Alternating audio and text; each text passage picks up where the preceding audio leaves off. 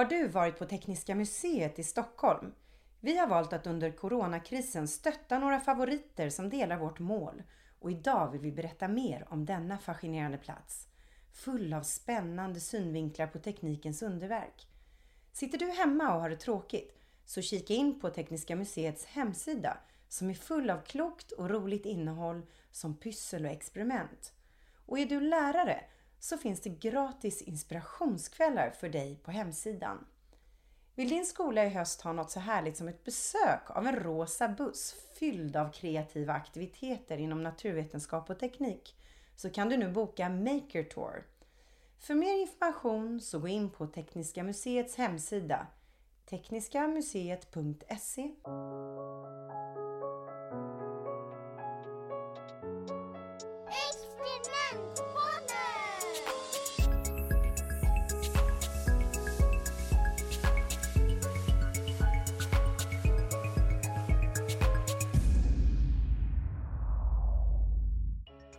Välkomna till Experimentpodden, er nya källa till kunskap för att få små barn att brinna för naturvetenskap och teknik, både i och utanför skolan.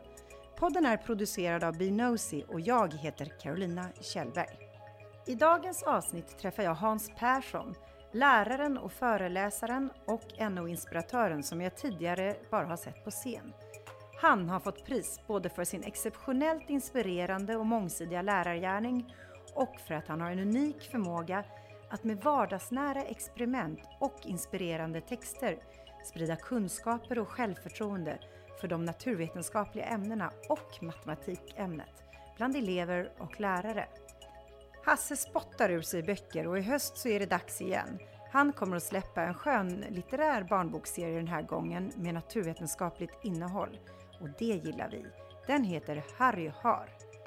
Nu ska ni få höra hur Hasse arbetar och tänker för att nå ut med kunskap till såväl intresserade elever som de som han så elegant kallar dolda talanger. Vad kul att du vill ställa upp. Tackar. Nu är jag så nyfiken på att höra lite mer om eh, dig. Du är ju en av Sveriges största NO-inspiratörer. Hur gör du för att få framförallt lärare att eh, ta sig an de här ämnena som många är rädda för, naturvetenskap och teknik? Mitt uppdrag från början, när, när jag var ju lärare, jobbade i grundskolan själv då. Det, det var ju mitt förstahandsval till yrke var att bli mellanstadielärare. Mm. Så blev jag mellanstadielärare och så läste jag de här ämnena sen på universitetet och blev, eh, blev eh, adjunkt som det hette. Så jobbade jag. Så jag jobbade både på låg och mellan och högstadiet. Och då var på den tiden, det här är ju väldigt länge sedan, liksom, Nej, strax efter förra istiden ungefär. Va? Men, men alltså på den tiden var det ju så att, att det, det fanns en läroplan, den hette Lgr 69. Och i den stod det att, att man, det stod eh, tydliga direktiv om vad man skulle göra i, i alla ämnen. Och alla lär, följde läroplanen, precis som vi gör nu. Va? Men på låg och mellanstadiet på den tiden när jag började på 70-talet och början av 80-talet så, så då var det väldigt få på låg och mellanstadiet som, som undervisade i kemi och fysik. Det var som att man hoppade över de sidorna i den här läroplanen. Va? Och så valde man att börja att undervisa i fysik och kemi. Biologi hade man ju lite liksom på, på låg och mellanstadiet. Mm. Men man valde att börja undervisa i fysik och kemi i årskurs 7. Uh, eh, faktiskt var det många skolor väntade med att börja undervisa i kemi till årskurs 8. Oj, vad sent. Eftersom kemi är så svårt. Och om den eh, inställningen finns inom ja, skolan. Så det genomsyrade hela skolan liksom, att det här är svåra ämnen. Och då, bör, då började ju jag eh, väldigt tidigt eh, när jag var nyexaminerad lärare med mina låg och mellanstadieklasser att, att ta in de här ämnena i undervisningen. För att, dels för att jag var intresserad av det och jag såg var så otroligt intresse mm. hos barnen då när de fick göra enkla experiment och så här. Och då var det ju så att vi hade ju, då hade man ju ingen tillgång till någon sån här labbsal med de här eh, konstiga sakerna med ebonitstavar och kattskinn och erlenmajorkolvar och allt vad det heter. Utan då, då, då blev det så att jag fick ta in naturvetenskapen i, i ett vardagskontext. Mm. Så att man fick jobba med de glas och burkar och saxar och, och pappershögar man, man hade. Va? Så att det var ju en sorts, verkligen så här spännande utvecklingsarbete. Va? Och mm. eleverna tyckte det här var jättekul och jag tyckte det var väldigt spännande. Och så blev det så att jag blev så småningom, när jag hade jobbat 20-25 år som lärare faktiskt, mm. så blev jag tillfrågad om att ha fortbildning liksom, för andra lärare.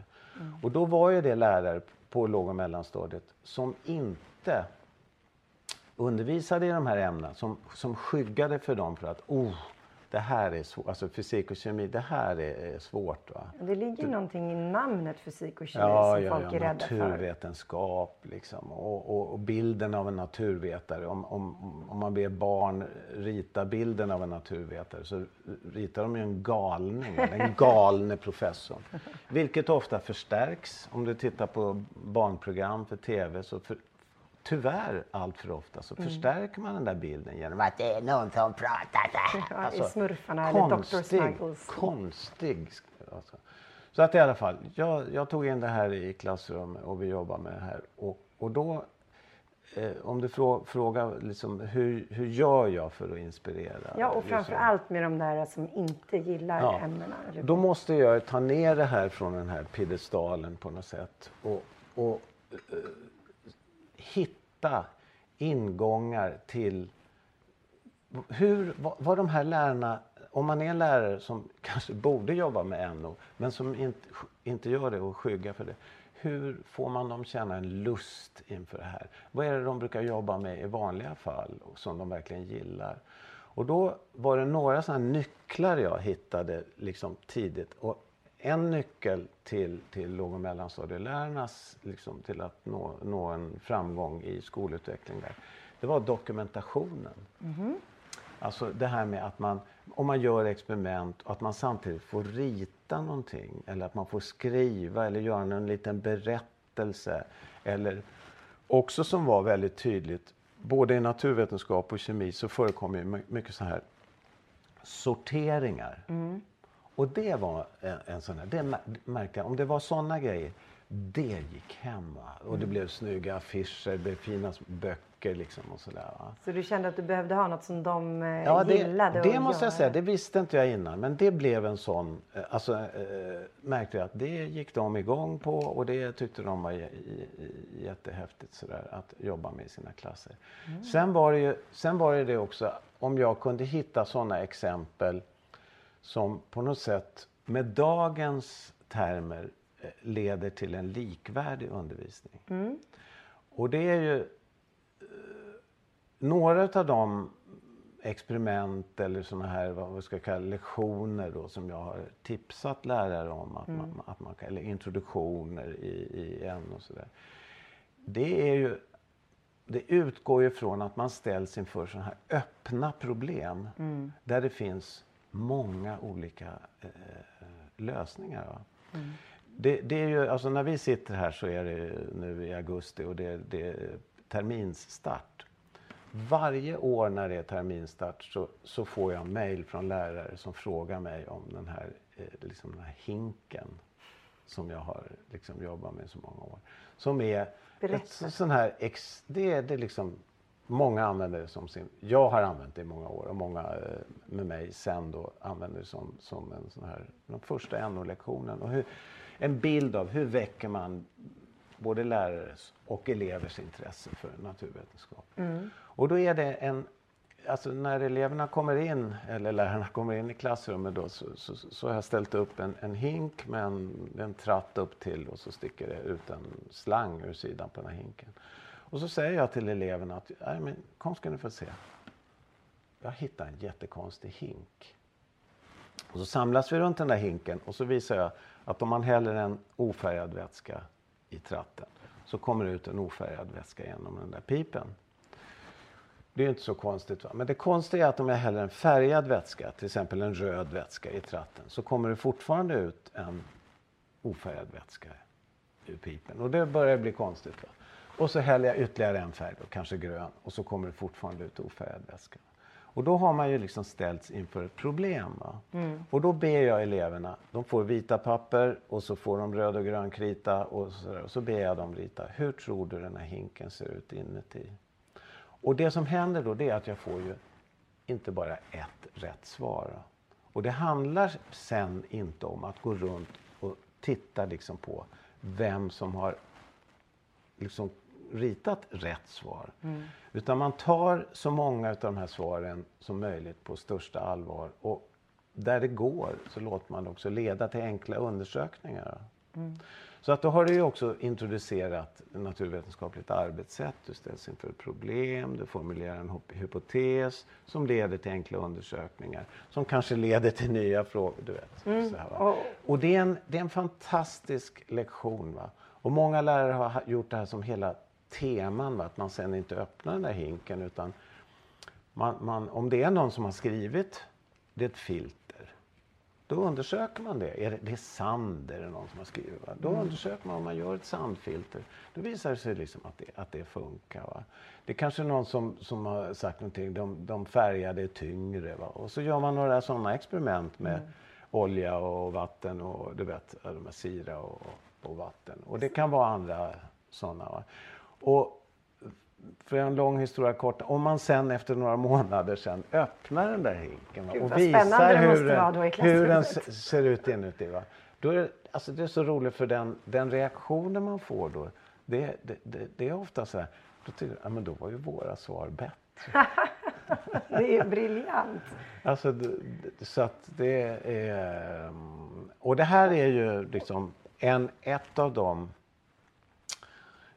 ett av de experiment som finns, som jag har filmat och lagt ut på min hemsida som inspiration för lärare och så. va. Ja, och den heter hanper.se. Hanper.se heter min hemsida och, och, och där finns den här eh, filmen om hinken. va. Jag såg det, den är högst upp där. Ja, just det. Den är första. Va? Och då är det så att naturligtvis så får man ju mejla mig Mm. för att få svar på hur den ser ut inuti. Ah. För jag vill inte att det ska ligga ute på, på, på nätet. liksom. För då, Nej, nej, det är barnen, patent. barnen, nej, men barnen vet ju hur man... Då blir det inget roligt. Va? Då, då Nej, kan, nej, de då bara, ligger- kan de bara googla sig fram till hur ser hinken ut inuti. Va? Det var ju faktiskt en väldigt bra idé. Ja, och jag, jag kan säga att jag, jag har jobbat med den här i Sverige och i jättemånga andra länder. Va? Jag har, tror jag har hört hundra olika svar. Va?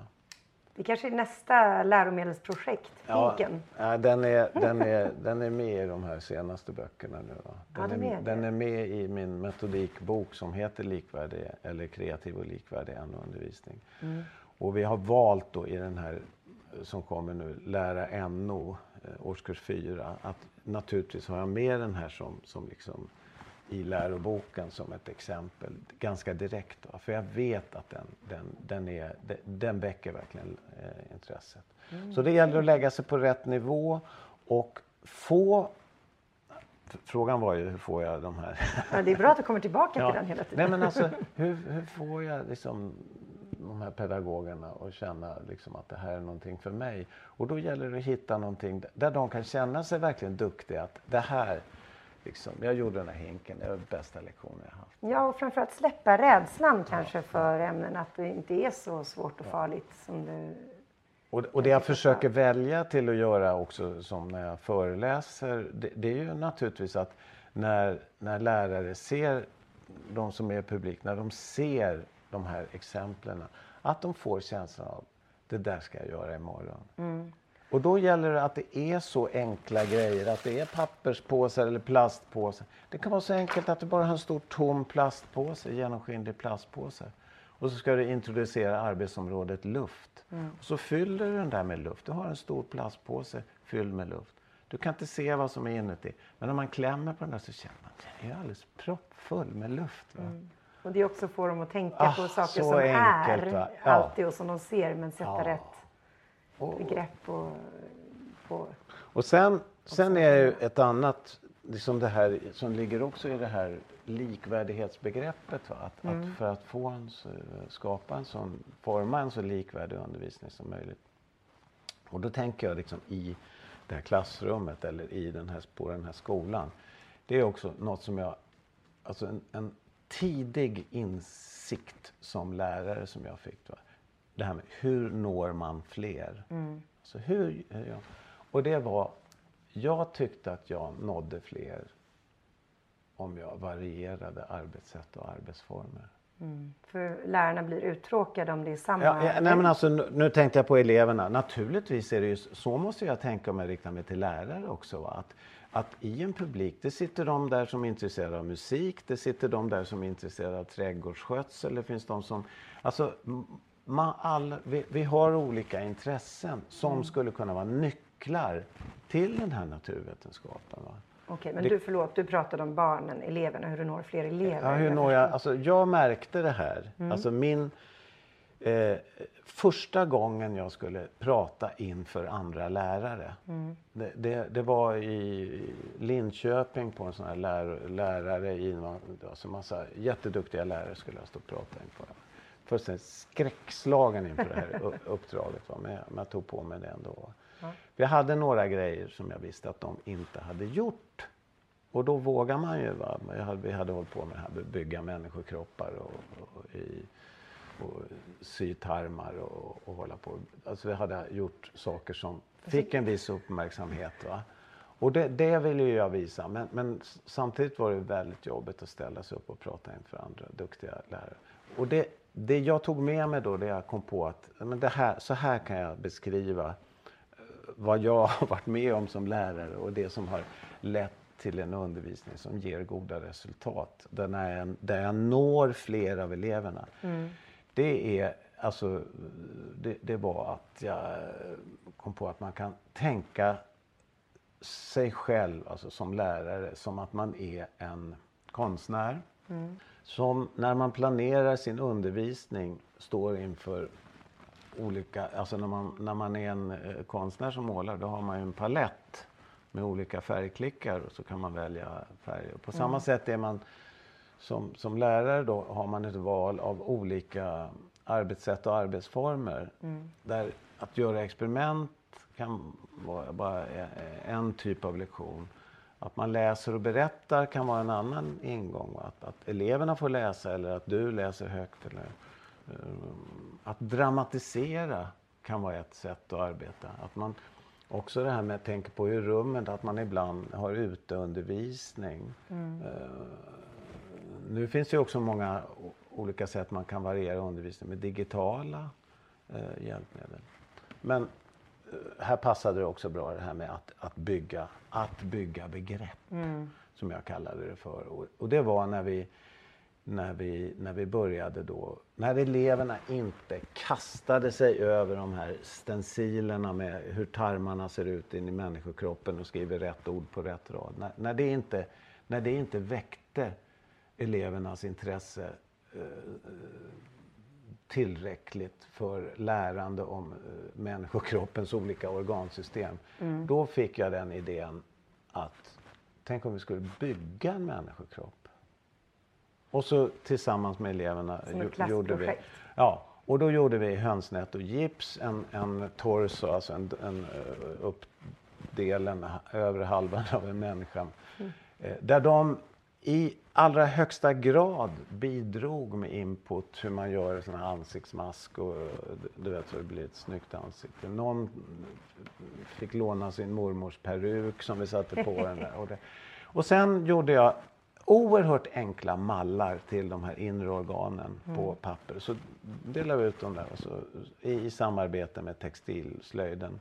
Mm. Så konstruerade de ett system av, av de, här, eh, liksom de här organen. Och så satte vi kardborreband på dem så man kunde pussla ihop dem. Och så var det en stor lucka på magen som man kunde öppna och stänga. Och det här, det här var, det, för, för mig var det här en sån otrolig nyckel för att jag såg det här med att, att just det här att man gör någonting som är på riktigt. Mm. Dels att det är, och nu kommer jag in på ytterligare ett spår, va, vilket mm. kan vara fara med, fara, alltså en nackdel med digitaliseringen. Mm. Att du fastnar vid den här skärmen och att det är digitala läromedel som ser likadana ut i varenda ämne. Va. Mm.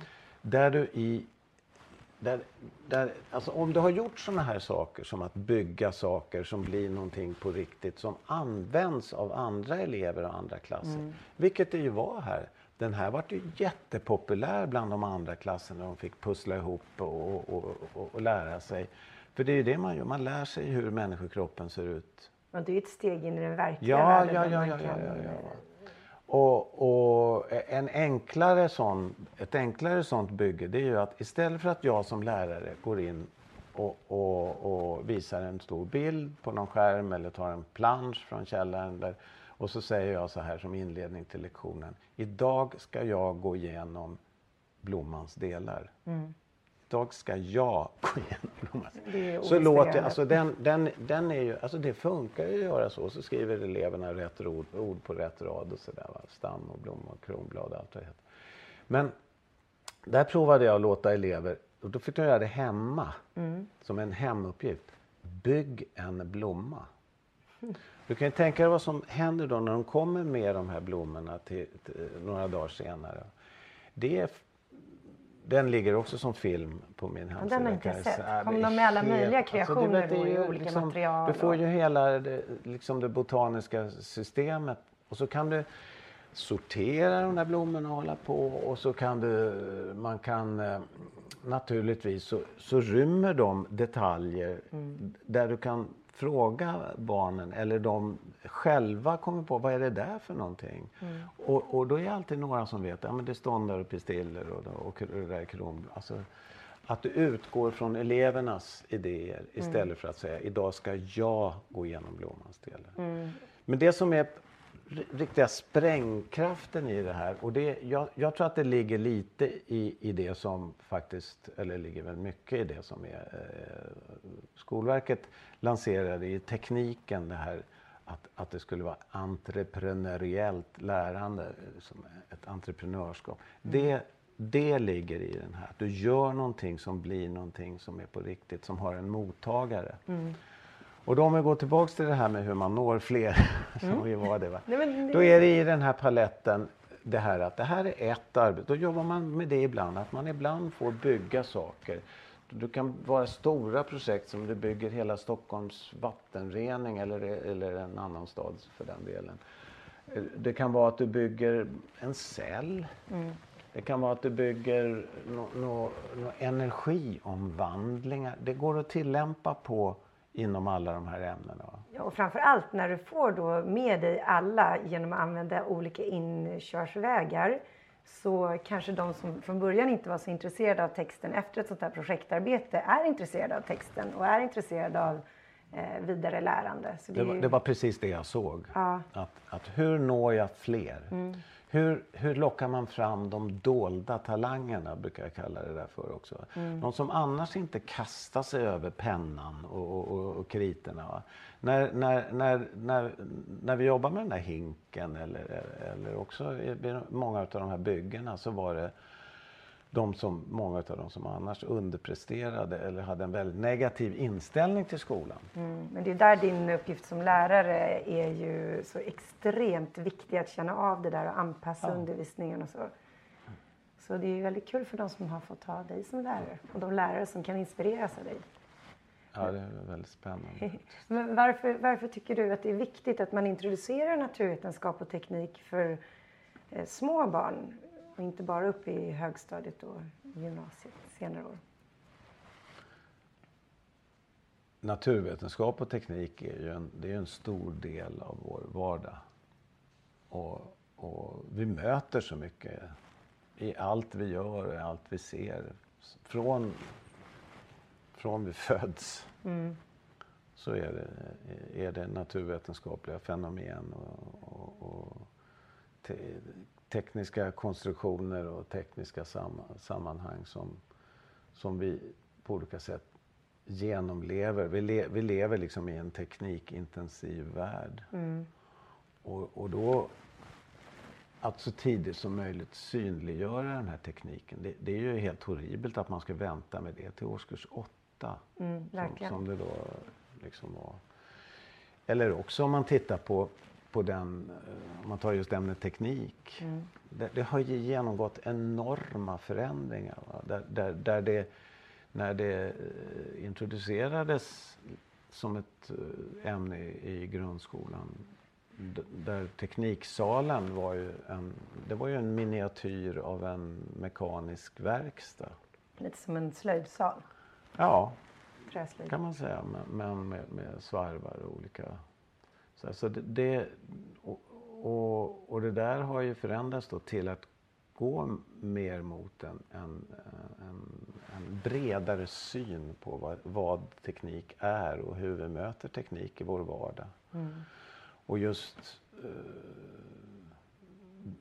den första liksom, förändringen handlade ju väldigt mycket om att få, att få flickor intresserade av, av teknik. Det var ju väldigt stor sån här, eh, bedrevs mycket arbete med det på, på det- 80-tal- 80-90-talet. så. Och fortfarande kan man ju säga. Men det tycker jag är det fascinerande med just eh, experiment och byggande inom tekniken och sånt är att det tilltalar både tjejer och killar. Det finns ju, det är lite könsneutralt. Jo. Det, det, naturligtvis så var ju det i en stark strävan hos mig. Om man, om man strävar efter likvärdighet så, så var, det ju, var det ju det här att, att, att inte bara vända sig till pojkarna hela tiden. Eller att inte bara i sin undervisning vända sig till de som var duktiga på att läsa och skriva. Nej. Utan att, att locka fram eh, alla talanger. Och- Men, och du gör ju det här riktigt, riktigt bra. Men vad tycker du mest om med ditt yrke? Oj, det är väldigt svårt att säga. Det är säkert Det mycket. är väldigt svårt att säga. Ja, det är väldigt mycket. Och det, jag är väldigt lyckligt lottad då som har som får skriva de här böckerna som jag gör och, och dela med mig av mina idéer och, och, eh, och, ehm, och faktiskt att jag får väldigt positiv respons från både lärare och elever. Jag får ju mejl från elever också. Som när de har sett något tv-program där det står Fråga Hasse. Då skriver de, då frågar de mig, då skickar de frågor. Hej, hej Hans! Vi arbetar med rymden i skolan. Har, eh, kan du svara på en fråga? Hur stort och vad är universum? Så står det längre ner. Tacksam för svar före torsdag. Ja, då har de prov. Jag har bråttom. Ja, men alltså det är ju ett, det är ju ett, um, det är ett väldigt förtroende. Så att det, det är ju det är en av de roliga sidorna, eller det jag tycker mycket om. Jag tycker mycket om att, som jag bara som i förrgår, jag var nere i Uddevalla, hade en hel dag fortbildning och en skola då som ska få igång, alltså satsa på en och en, göra en satsning på en undervisning. Och känna den där positiva kraften när man, när man, eh, när man kan vara en, en nyckel till någonting som leder till att de börjar prata med varandra och säger det där ska vi göra. Nej men jag vill göra det. Att det nästan Ja. blir slagsmål om vem som ska få göra hinken först och vem som ska få göra kulbanan eller kycklingen eller alla de här experimenten. Och det som är så bra för lärarna då när de går iväg från en sån fortbildningsdag är att de kan ju nå väldigt mycket av ditt material. Du har ju varit väldigt ambitiös och utöver läromedlen också spela in handledande filmer till lärare på din hemsida. Och jag gör alltid så att jag när, när jag har sån här fortbildning att det ingår att man får så, alltså att man får med sig någonting så att man kan göra det här dagen efter. Det ska inte vara någonting emellan. Åh, det där skulle jag aldrig kunna göra liksom. Och det där har vi inga pengar till. Eller så. Att det, det finns, jag har några saker som i alla fall man kan, som man verkligen kan göra dagen efter. Det är jättebra. Så gör jag, gör jag, om jag är på en sån här skola och gör, har ett sånt här uppdrag och jag visar den här kycklingen som piper när alla håller varandra i händerna. Och alla älskar det experimentet. Alla älskar det experimentet verkligen. Då, då är det klart att jag lämnar en sån här kyckling på den här skolan. Eller om det är 300 personer som, som sitter där, då ser jag till att de vet hur de mycket enkelt kan få tag på den. Eller den rödgröna plasten som man kan titta, göra, göra 3D-glasögon. Eller vad det nu är. Om det är något speciellt. Ja.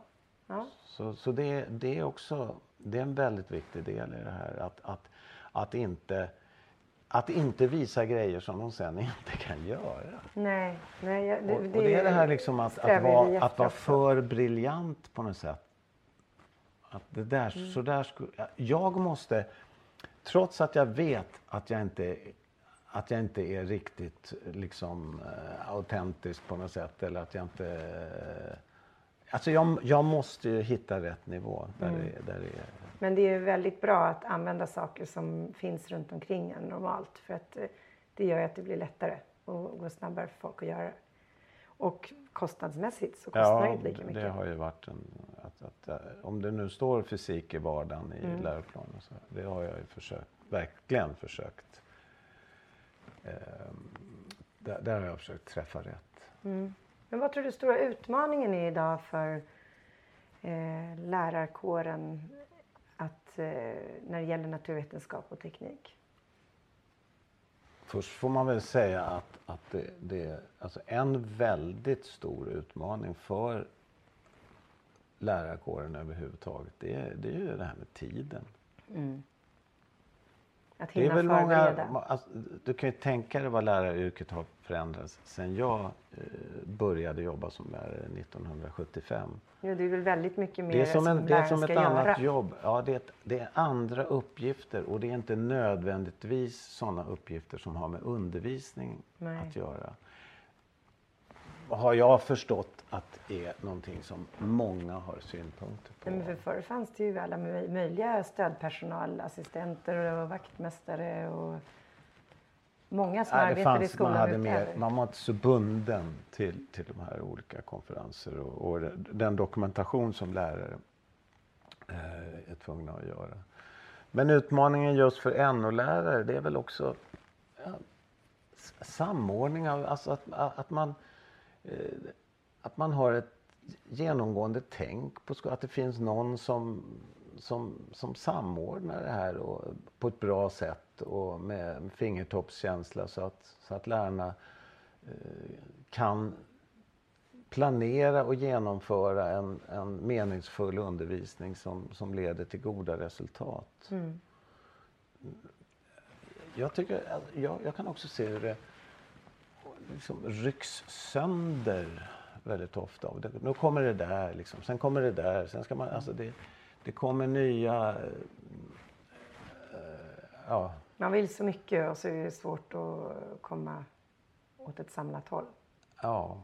Och det är ju inte nödvändigtvis så att alla rektorer har superkoll på, på NO-ämnena heller. Va? Nej.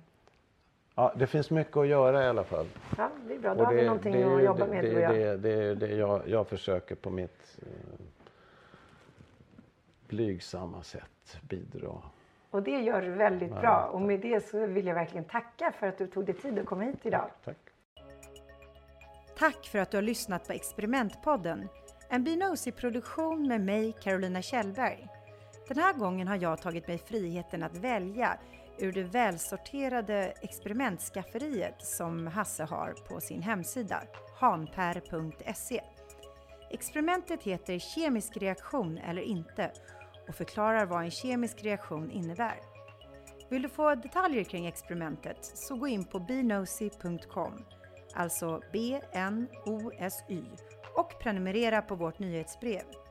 I nästa avsnitt träffar jag läraren Ann-Louise Papinski och föräldern Karin Wachtmeister. De kommer att diskutera om hur broar mellan hem och skola kan byggas för att förstärka elevers inlärning. Vi ses då!